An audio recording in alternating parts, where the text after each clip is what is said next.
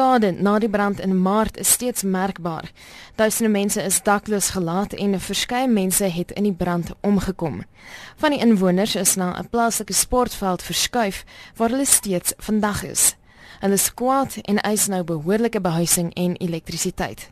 'n Gemeenskapsleier, Tembinkosi Kedamile, sê die owerheid het nie sy beloftes nagekom nie. They give us a promise to make a super blocking, but there's no there's nothing there on top it's happening. Now we need action. Hulle frustrasie het uiteindelik oorgekook. Atini Ngaki sê hulle lewensomstandighede is afstootlik.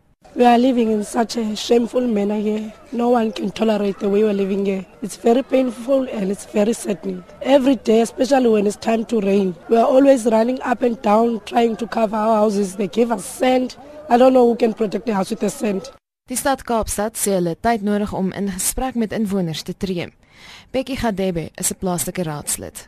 It is worth understanding that initially people were meant to be uh, housed here for only 3 months. And because the area it's a wetland, we can't afford to install electricity in each and every structure. Hence, we wanted to speedily get this project of super blocking over and done with.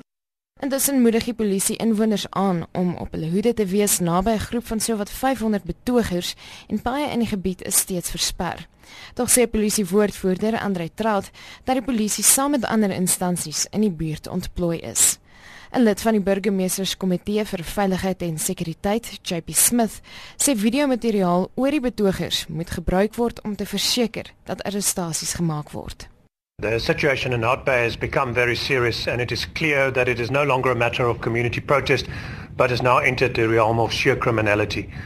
Rioters have moved into side streets in Penzance Estate and overturned cars and smashed windows and an attack on the Grundal Old Age Home was narrowly averted. The city's law enforcement and disaster management mobile units which were used as kitchens for the victims of the fire at the sports field have been completely destroyed. 'n Woordvoerder vir die stad se verkeersdepartement, Richard Coleman, sê verskeie paaie in die gebied is nog gesluit.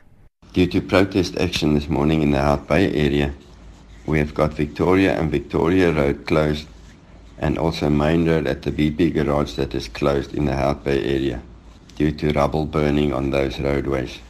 Uh, we ask motorists please to take caution in that area.